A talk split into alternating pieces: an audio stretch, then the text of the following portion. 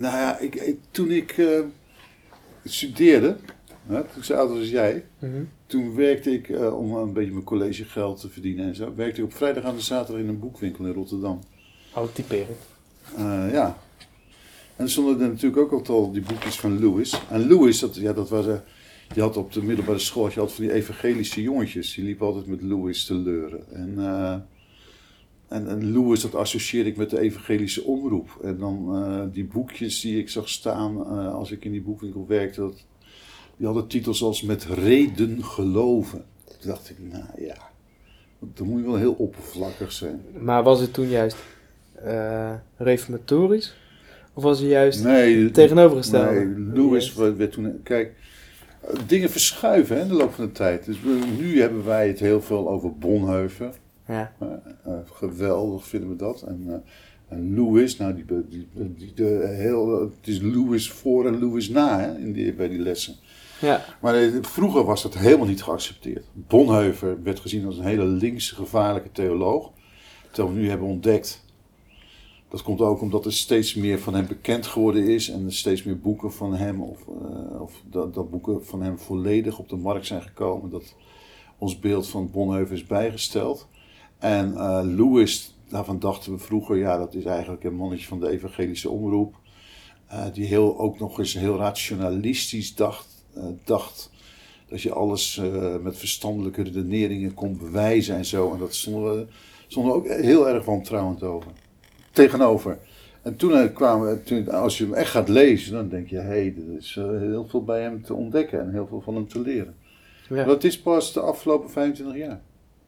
Ik weet nog toen ik. Ik heb ooit voor de krant, het Reformatorisch Dagblad, in 1998. Mijn geboortejaar. Ja, maar dat was dus ook eh, 100 jaar na de geboorte van Lewis. Oh. Want Lewis is in 1898 geboren. Maar heb ik een heel katern gemaakt over C.S. Lewis. Omdat? Ik heb een hele, een hele krantenbijlage. Oh, oké. Helemaal over Lewis alleen. Ik ben naar Oxford geweest en heb rondgekeken, mensen geïnterviewd, zelf stukken geschreven. Andere mensen gevraagd stukken te schrijven. Het is een hele aparte bijlage, alleen maar over Lewis. Bij het Reformatorisch Dagblad in 1998. Cool. En dan moest ik toch voor op het matje komen, want dat was toch wel een beetje te veel van het goede.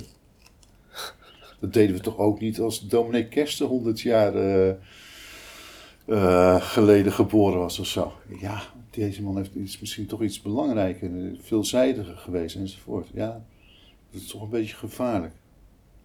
Ja, Welkom in de Spiegel van de Tijd. In deze podcast nemen we je mee door allerlei culturen en personen uit de tijd. De samenleving van nu wordt sterk bepaald door de personen en gebeurtenissen in de geschiedenis. Bart-Jan Spruit, of meneer Spruit, is onze vaste gast en is leraar op de Driestar en geeft ook les op de Vrije Universiteit in Amsterdam. Hij schrijft columns in het Nederlands Dagblad en Reformatorisch Dagblad. Mijn naam is Johan Offermans en ik zit in het laatste jaar van de BABO. Nou ja, Lewis. Ja. Ja, Lewis. Ja, de meeste mensen kennen natuurlijk alleen de Narnia-verhalen. Of vrees ik alleen de Narnia-film. Ik denk vooral films. Ja, nou ja, die moet je natuurlijk eigenlijk niet kijken. Eh, je kunt, mag wel, wat mij betreft, een film kijken over zijn leven. Die film heet Shadowlands. Ja, die heb ik ook gezien. Dat is een mooie, dat is een mooie inleiding op het leven. Mooi, ja. En de Narnia-verhalen als boeken, ja, daar heb je toch eigenlijk geen film voor nodig. Dat, dat, die zijn zo goed geschreven, die lezen zo fantastisch weg. Ik, ik, las, ze mijn, ik las ze voor aan mijn kinderen. S'avonds na het eten, als ze naar bed gingen, iedere avond een hoofdstuk.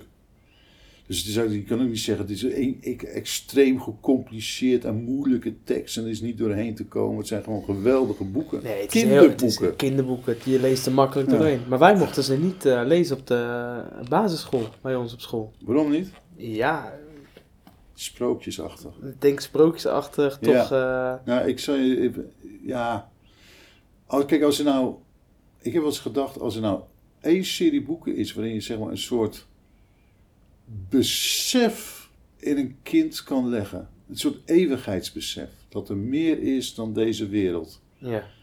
Dat er iets is dat boven deze wereld uitgaat. Dat er iets nobels en iets edels is enzovoort. Dan moet je die verhalen voorlezen. Ik had een atheïstische vriend. ehm, of ja, een kennis. eh, die, die ik vaak tegenkwam. En die wist helemaal niet wie C.S. Lewis was, maar die Narnia-verhalen vond hij wel geweldig. Totdat hij bemerkte dat zijn kinderen er gelovig van werden. Toen heeft hij ze weggedaan. Dan ben je wel heel atheïstisch. Ja, oké. Maar het, het, het- de- en Lewis is dus,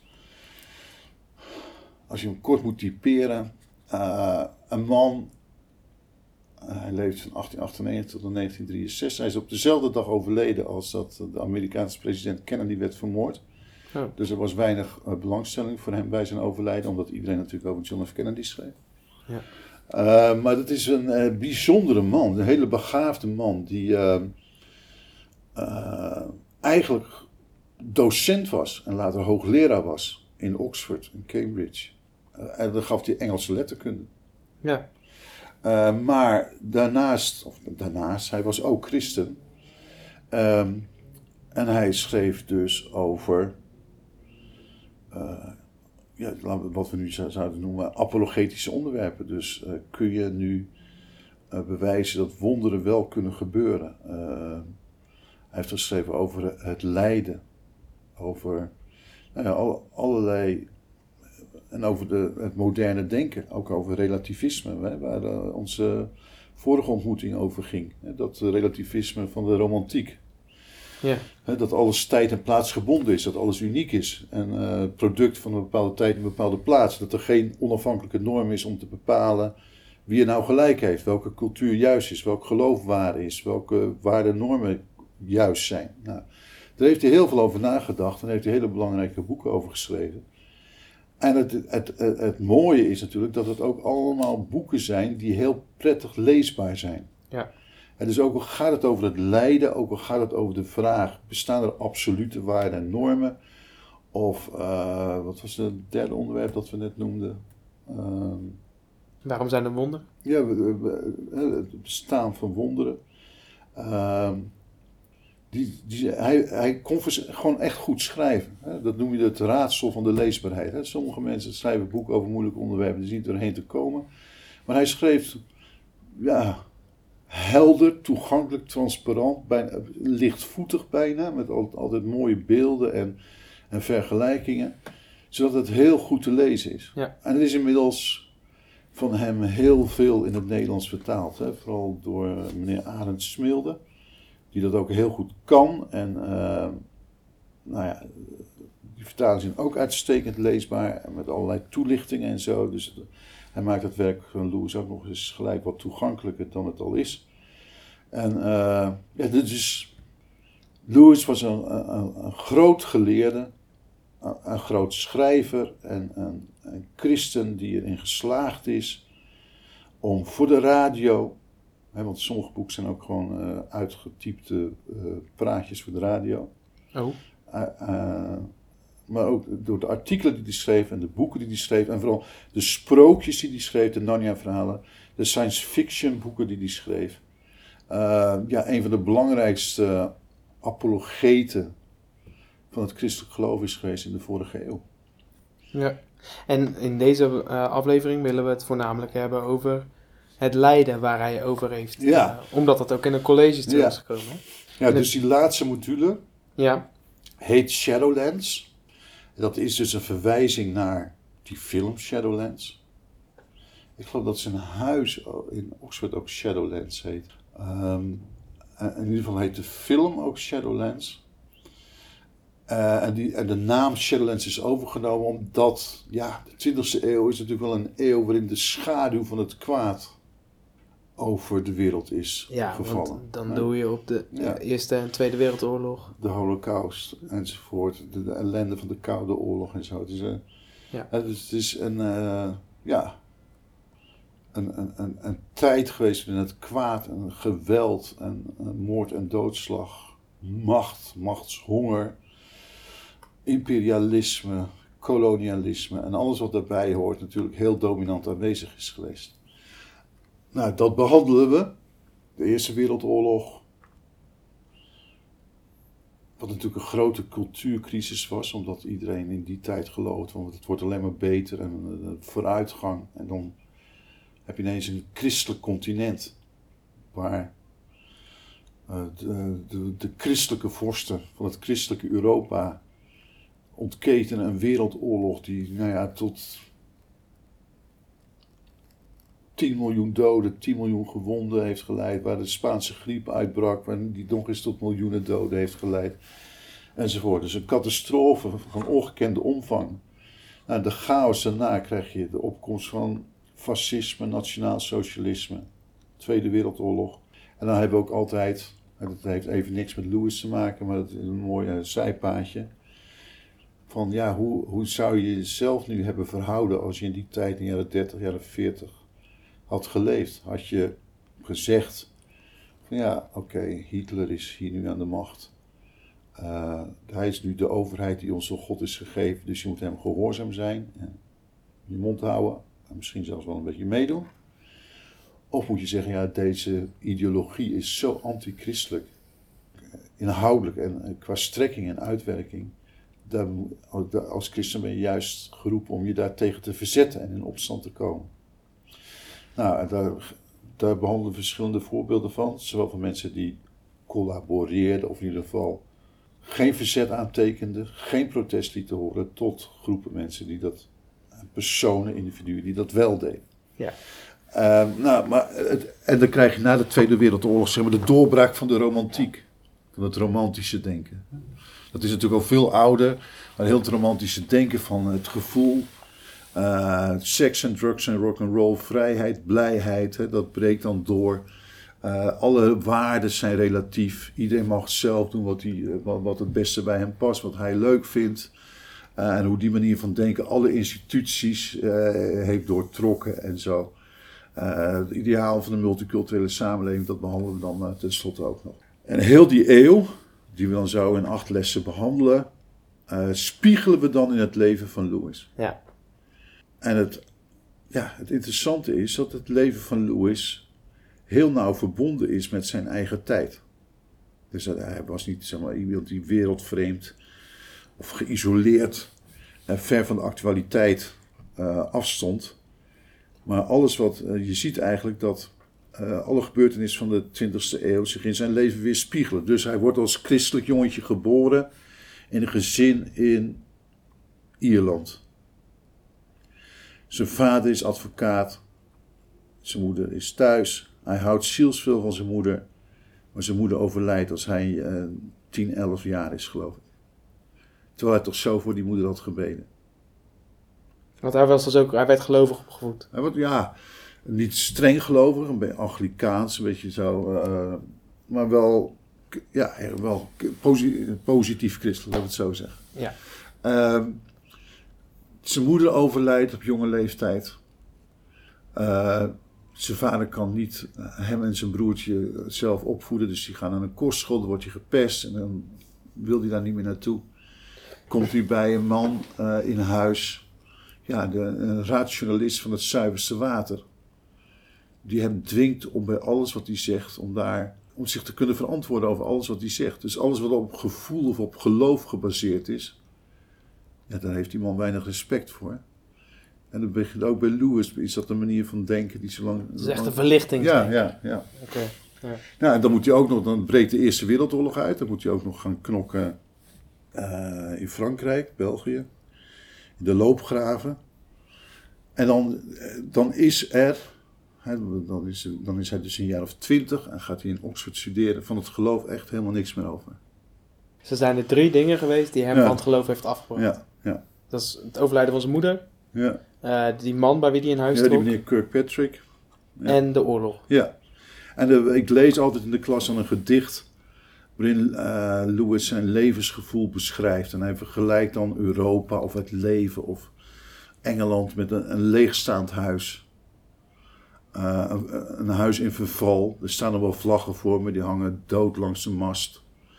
Eh, de tuin en de moestuin en alles is overwoekerd door onkruid en door mos. En het is, eh, alles is in verval. En hij beschrijft dan dat hij dat huis niet binnen durft en de tuin niet durft over te steken, omdat hij weet dat er in dat huis, ergens in een verborgen kamertje, onzichtbaar, zit iemand te loeren op de kans om de mensen te grazen te nemen. En dat is God. Hm. Nou, dat is eh, hè, een heel somber Ja, is wereld. een heel eh, Ja. depressief... eh, Ja. Nou ja, Lewis studeert, hij is natuurlijk een briljant man, een briljante man. En eh, studeert filosofie en klassieke talen. Krijgt gelukkig een baantje in de universiteit, want iets anders had hij natuurlijk niet gekund dan dat. Eh, ja, want, hij gaf dan letterkunde. ja, Wat is dat? Letterkunde? nou, gewoon zo de geschiedenis van de eh, Engelse literatuur. Zeg Dat maar nog ook. steeds niks, maar... Nou, gewoon van, van zo'n eh, geschiedenis van wat, wat, de Engelse literatuur in de middeleeuwen, de 16e eeuw enzovoort. ah ja, Ja, hoe het ja. schrift, zeg maar, Ja, hoe, nou, het is die, ontwikkeld. Shakespeare, de grote dichters en schrijvers, die kan, daar wist je alles van. Oké, ja. En dan, ehm, de- eigenlijk kun je het zo samenvatten dat hij door een aantal, door dingen die hij leest en ontmoetingen die hij heeft, bijvoorbeeld met meneer Tolkien, ook een beroemde naam, die man van In de Band van de Ring, Ja. eigenlijk tot de conclusie komt, door het lezen van bepaalde boeken, door gesprekken met meneer Tolkien, eh, dat er naast het domein van het, het verstand ook zoiets is als het hart en het verlangen. Ja.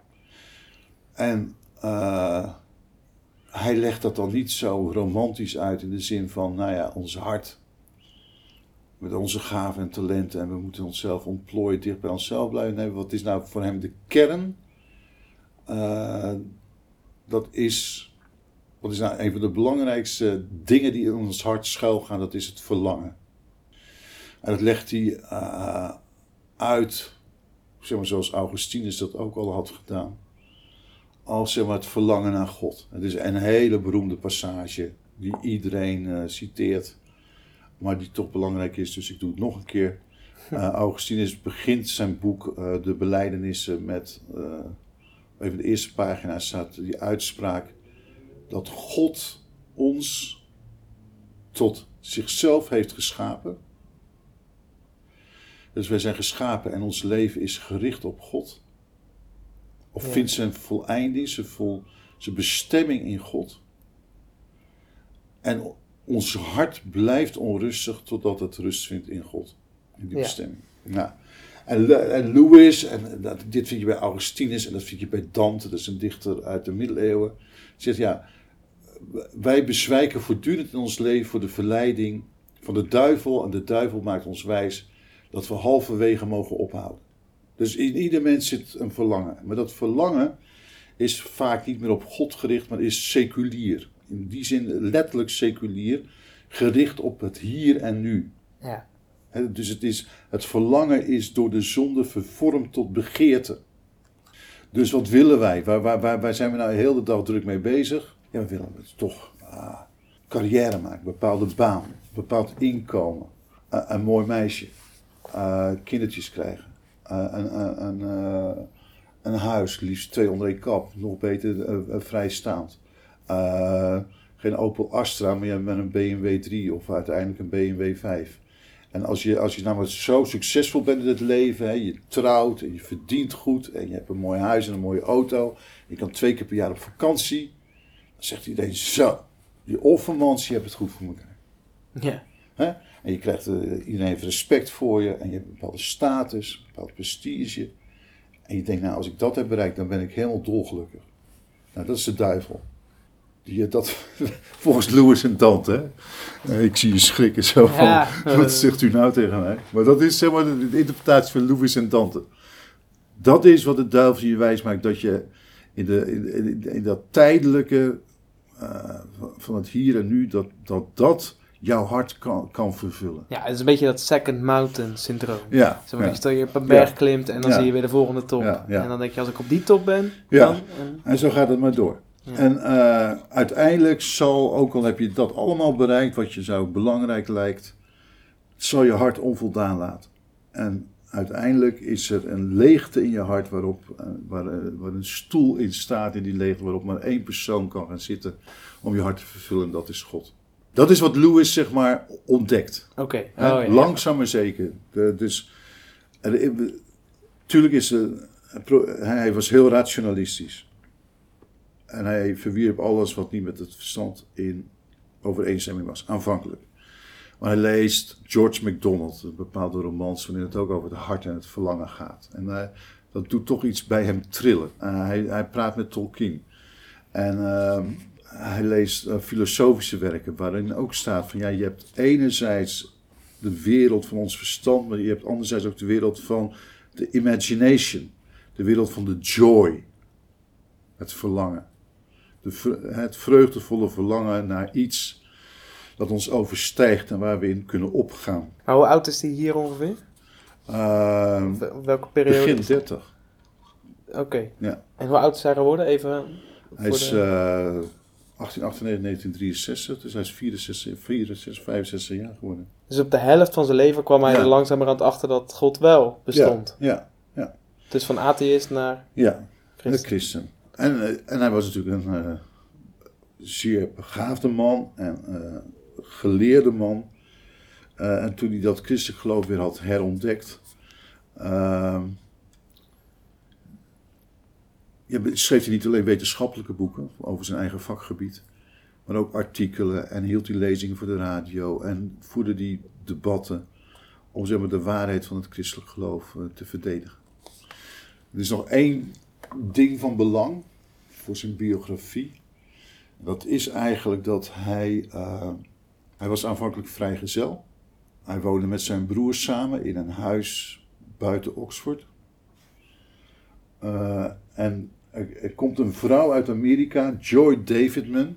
Het is grappig dat ze, haar voornaam Joy is. Eh, ze was aanvankelijk heel links, een heel links, radicaal Joodse mevrouw. Eh, communistische sympathieën had, maar eh, ook boeken van Lewis is gaan lezen en, nou ja, christen wordt. En eh, vindt Lewis helemaal geweldig. Ze, ze ligt in een echtscheiding. Ehm, ze gaat naar Engeland om, om een lezing van Lewis bij te wonen en hem te ontmoeten. En dan, ja, dan moet ze op een gegeven moment toch weer terug, omdat ze geen verblijfspapieren heeft als Amerikaanse. En dan zegt Lewis, nou, dat, is een beetje, dat vinden wij een beetje gek, maar als ik nou met je trouw, gewoon voor de wet, dan ben jij eh Engelse en dan mag je hier blijven. Ja. Het is om haar te helpen, trouwt hij met haar. Maar als ze getrouwd zijn, dan ontstaat er iets meer dan eh, dat ra- rationele ar- arrangementen. Dus eh, nou, ze, ze worden verliefd op elkaar, ze houden van elkaar. Hij is gelukkig met haar. Ze, ze, zij heeft ook twee zoons die ook bij, bij hem inwonen. Dan, ja, dan slaat het noodlot toe, om het zo eens te formuleren. En dan wordt ze ziek, ze krijgt kanker en ze overlijdt. En dat is wel een heel spannend moment in zijn leven. Want dan schrijft hij een boekje, niet eens onder zijn eigen naam, maar onder de naam van Anne Clark. Clark, Clark. En dat is in het Nederlands vertaald onder de titel Verdriet, Dood en Geloof. In het Engels heet het A Grief Observed. En dan, dan zie je hoe spannend het was, want dan zie je eigenlijk dat die oude gedachten vanuit dat gedicht, weet je wel, wat hij schreef eh, een jaar na de Eerste Wereldoorlog, dat hij daar bijna weer toe terugkeert. Dus van geloof af. ja, dat dit lijden, dus niet alleen zeg maar het lijden in heel de wereld, Eerste Wereldoorlog, Tweede Wereldoorlog, Holocaust, maar ook eh, de pijn, het lijden van individuele mensen, zoals zijn vrouw, eh, van wie die houdt. En, hij, en, en zij overlijdt en het verdriet, hè, dus het, het lijden, de pijn, de dood, het verdriet daarover. Kan dat samengaan met een God die het goede met ons voor heeft? Ja. En hij, er komen weer gedachten bij hem naar boven, die doen denken dat, nou ja, er is, ooit een Nederlandse schrijver geweest, die heeft een boek geschreven dat heet Het Sadistisch Universum. Dus dat heel de- ons universum uiteindelijk sa- sadistisch is. En, dat, dat, en dat, je, dat, dat we daar ook niks tegen kunnen doen. Maar dat overwint hij dan. Maar dat is zeg maar kiele kiele. Ja. Maar daarin, Maar daarom des te overtuigen. ja, Ja. want daarin formuleert hij dus een soort van antwoord op, op het lijden. Of, want, Nou dat ja, is- Lewis heeft ook een boekje geschreven. Dat heet eh, The Problem of Pain. In het Nederlands vertaald als het probleem van het lijden. En daarin zegt hij eigenlijk in de eerste plaats. eh, kijk, hij doet dus een poging. En dat noem je eh, een theodice. Dus om het. Dat is een moeilijk woord voor het rechtvaardigen van, van, het, van het bestuur van God in deze wereld. Dus God is goed. Ja. God is almachtig.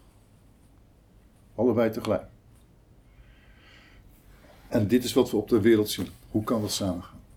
Ja. Dat is de vraag. Nou, dat is een vraag die iedereen kent. Eh, en Lewis zegt dan: Ik vind het allemaal relevante gedachten, maar ik weet niet of ze iedereen zullen overtuigen. Eh, hij zegt: Ja, God spreekt eigenlijk in ons leven. Kijk, wij zijn niet zomaar. eh, mensen die een beetje onvolmaakt zijn en die een beetje verbetering behoeven en dan, dan gaat het wel weer. Nee, wij mensen zijn door de zonde zijn wij eh, eigenlijk rebellen. En we moeten de wapens neerleggen. Ja, zo ziet Dat, dat, dat, dat is de uitgangspunt. Ja. En, en God nodigt ons daartoe uit.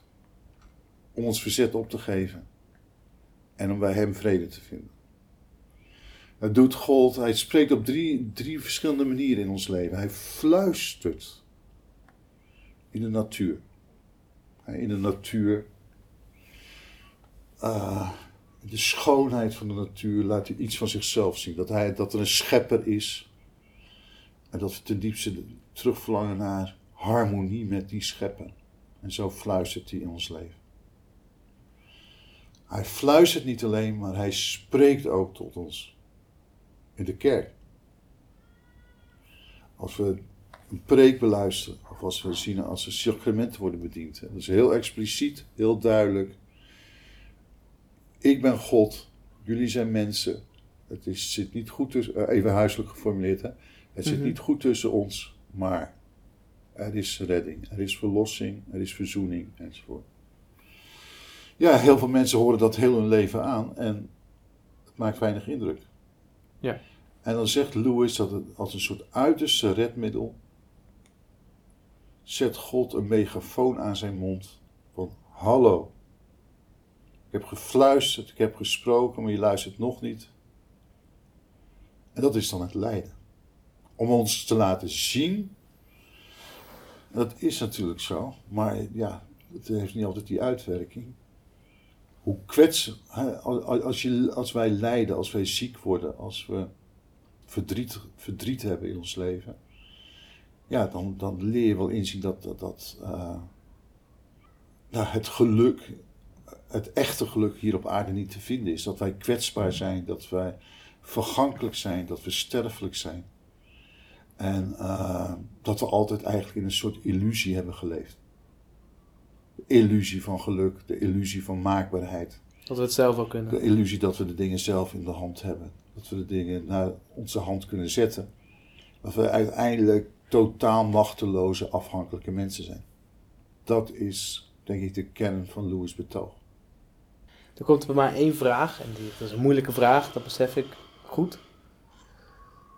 Maar zegt Lewis dan ook dat het lijden van God komt? Nou ja, dat, ja, ik weet niet of hij dat zo, zo formuleert. Maar wel dat God het lijden in ons leven toelaat en zo bestuurt. Dat het, niet, dat het, dat het lijden ten diepste eh, een, een pedagogische ingreep van God is. Om als we niet willen luisteren, ons, ons harder, met meer volume toe te spreken. Eh, en ons door ziekte en lijden en verdriet eh, de ware aard van het leven, van het aardse leven te laten zien. Eh, En dat dat ons tot inkeer brengt en tot bekering. Ja, Dat is zijn, denk ik het, in essentie zijn betoog. Dus wij, wij leven vanuit een illusie. We leven vanuit de gedachte dat we zelf in ons leven de dingen in de hand hebben. De dingen kunnen sturen, dat alles maakbaar is. Ehm, En het lijden laat ons zien dat het niet zo is. Prik die illusie door. Nou ja, ik vind het wel persoonlijk, hè. Vind ik het wel allemaal de- nuttige gedachten en relevante gedachten. En ik denk dat het waar is. Dat, dat God tegenslag en je leven kan gebruiken om eh, illusies door te prikken en je voor hem te verootmoedigen, zeg maar. Eh, alleen weet ik niet. Ik denk dat dat, dat dat eigenlijk alleen maar overtuigend is als je al gelooft. Ja, dat denk ik ook. En dat het uiteindelijk er toch om gaat. eh, Kijk, als ik nou echt een atheïst ben en iemand zou me dat boekje van Lewis in mijn handen frommelen. Ik zou het lezen. Dan zou ik er nog duizend vragen van verweer. Ja, want ik zit ook net te denken, ja, ik, bijvoorbeeld, eh, ik vroeg dan, komt eh, het lijden dan van God? Ja, Nou, eh, misschien als laatste redmiddel of God gebruikt het, maar dan, kom, dan zie ik weer die, die, die, die maat van mij die zegt van ja, ja, maar moet ik dan dit echt allemaal mee hebben gemaakt? Ja. Moet het echt zo groot? Ja. Een beetje minder had ook wel gemogen. ja, En dan denk ik weer van ja, maar ik denk, ja, ik, ik heb wel zelf, eh, haal ik veel uit Lewis hoor. En uit de colleges heb ik veel, maar wat u zegt inderdaad. Want Ja. je hebt er misschien pas wat aan als je al... ja. Het is toch apologetiek en dit soort geschriften zijn toch eigenlijk eh, niet zozeer bedoeld om buitenstaanders te overtuigen, maar om christenen argumenten in de hand te geven om te blijven geloven. Ja, precies. Ja. Ja, dus, ja. Ik denk dat uiteindelijk ook bij de vraag van het lijden erop neerkomt: buig je of verzet je kijk. Nou ja, maar dit is dus eh, opnieuw een voorbeeld van hoe we dat bij leerlijn 1 doen.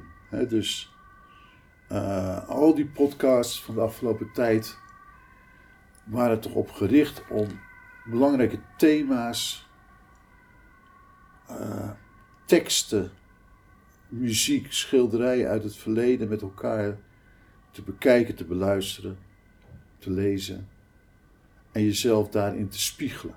En ehm, in die zin, eh, nou, om te beginnen al in te zien dat je zelf nu eh, als christen anno 2021 eh, alles behalve af en volmaakt bent, maar dat er heel veel ontbreekt.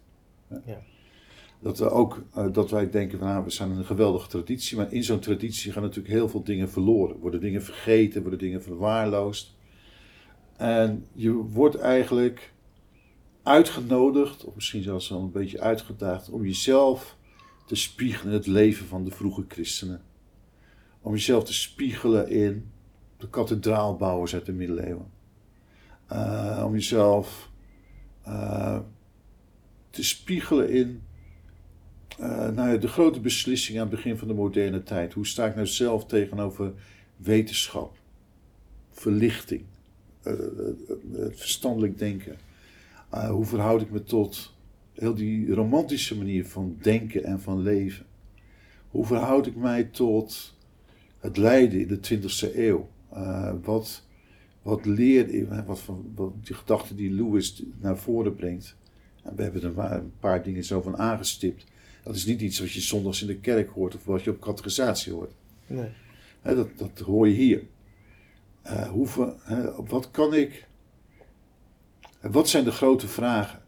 Wat, uh, wat denk ik daar van huis uit over?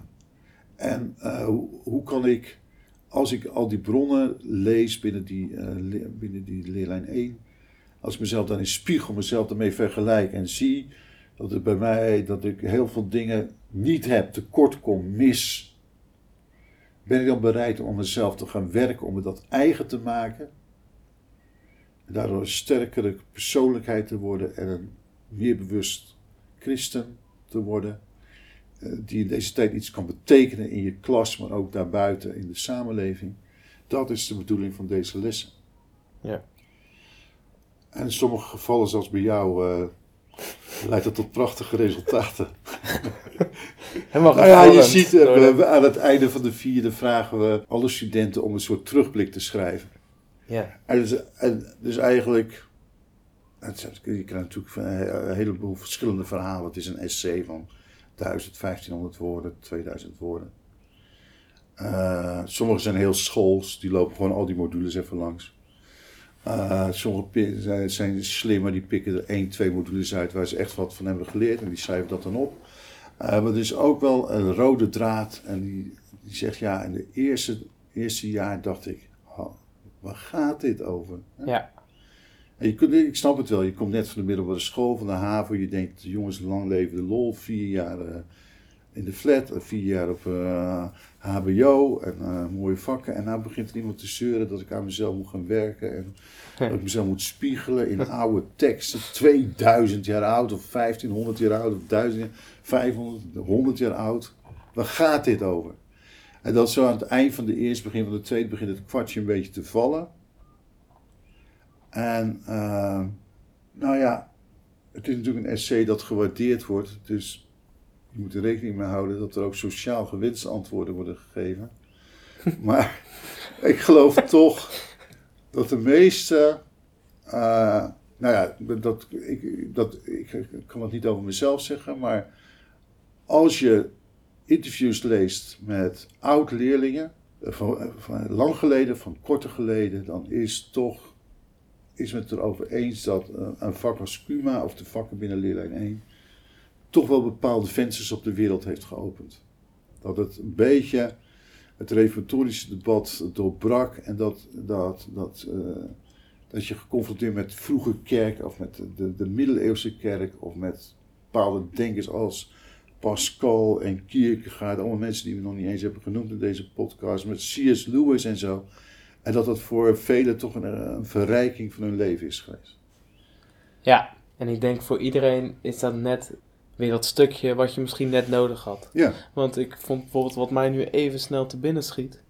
Dat was het debat wat we ooit een keer in een college voerden. ja, En dan moesten we, er was een stelling. eh, eh, christenen zeggen wel dat ze tolerant zijn, ja, maar eigenlijk zijn ze tamelijk intolerant. ja, Toen ging, werd de grondwet werd erbij gehaald over wat er dan precies eh, eh, in staat. Ook over, eh, ja, in- met betrekking tot God en tot, tot de regels die er zijn gemaakt. Dat je echt denkt van oef, oké, staat dat echt zo scherp beschreven? En, en hoe ga je die discussie aan? En je wordt dus dan gedwongen om een kant te kiezen. Ja, puur op loting. Dus ja, wat je echt vindt, dat Ja. doet er helemaal niet toe, weet je wel. ja, ja, ja, ja. ja, dat, dat, dat zet je wel aan het denken. Het is een prachtig vak. Het is heerlijk om te geven. En ik hoop voor velen ook eh, een vreugde om te volgen. Ja. Ja, en om heel te zijn denk ik dat de meningen daarover verdeeld over zijn. Ja. Er zijn ook mensen die... eh, ik vond dat leuk. Er En, zijn ook eh, mensen die vinden rekenen leuk. Ja, precies. Ja, ja, precies. ja. Ja. Nou, het was me genoegen. Nou, Bedankt. meneer Spruit, dank u wel voor uw tijd dat u ja, hierover heeft willen vertellen. En eh, ik vond het echt altijd een, eh, het uitje van de week. Ik keek de hele week naar uit. Ja. Nou, bedankt. Oké, nee, graag gedaan. En eh, veel succes met het publiceren van de podcast. Ja. Ik Nou, hoop dat dat veel luisteraars vindt. En dat Ja. leven leerlijn 1. Leven leerlijn 1, ja, precies. Bedankt.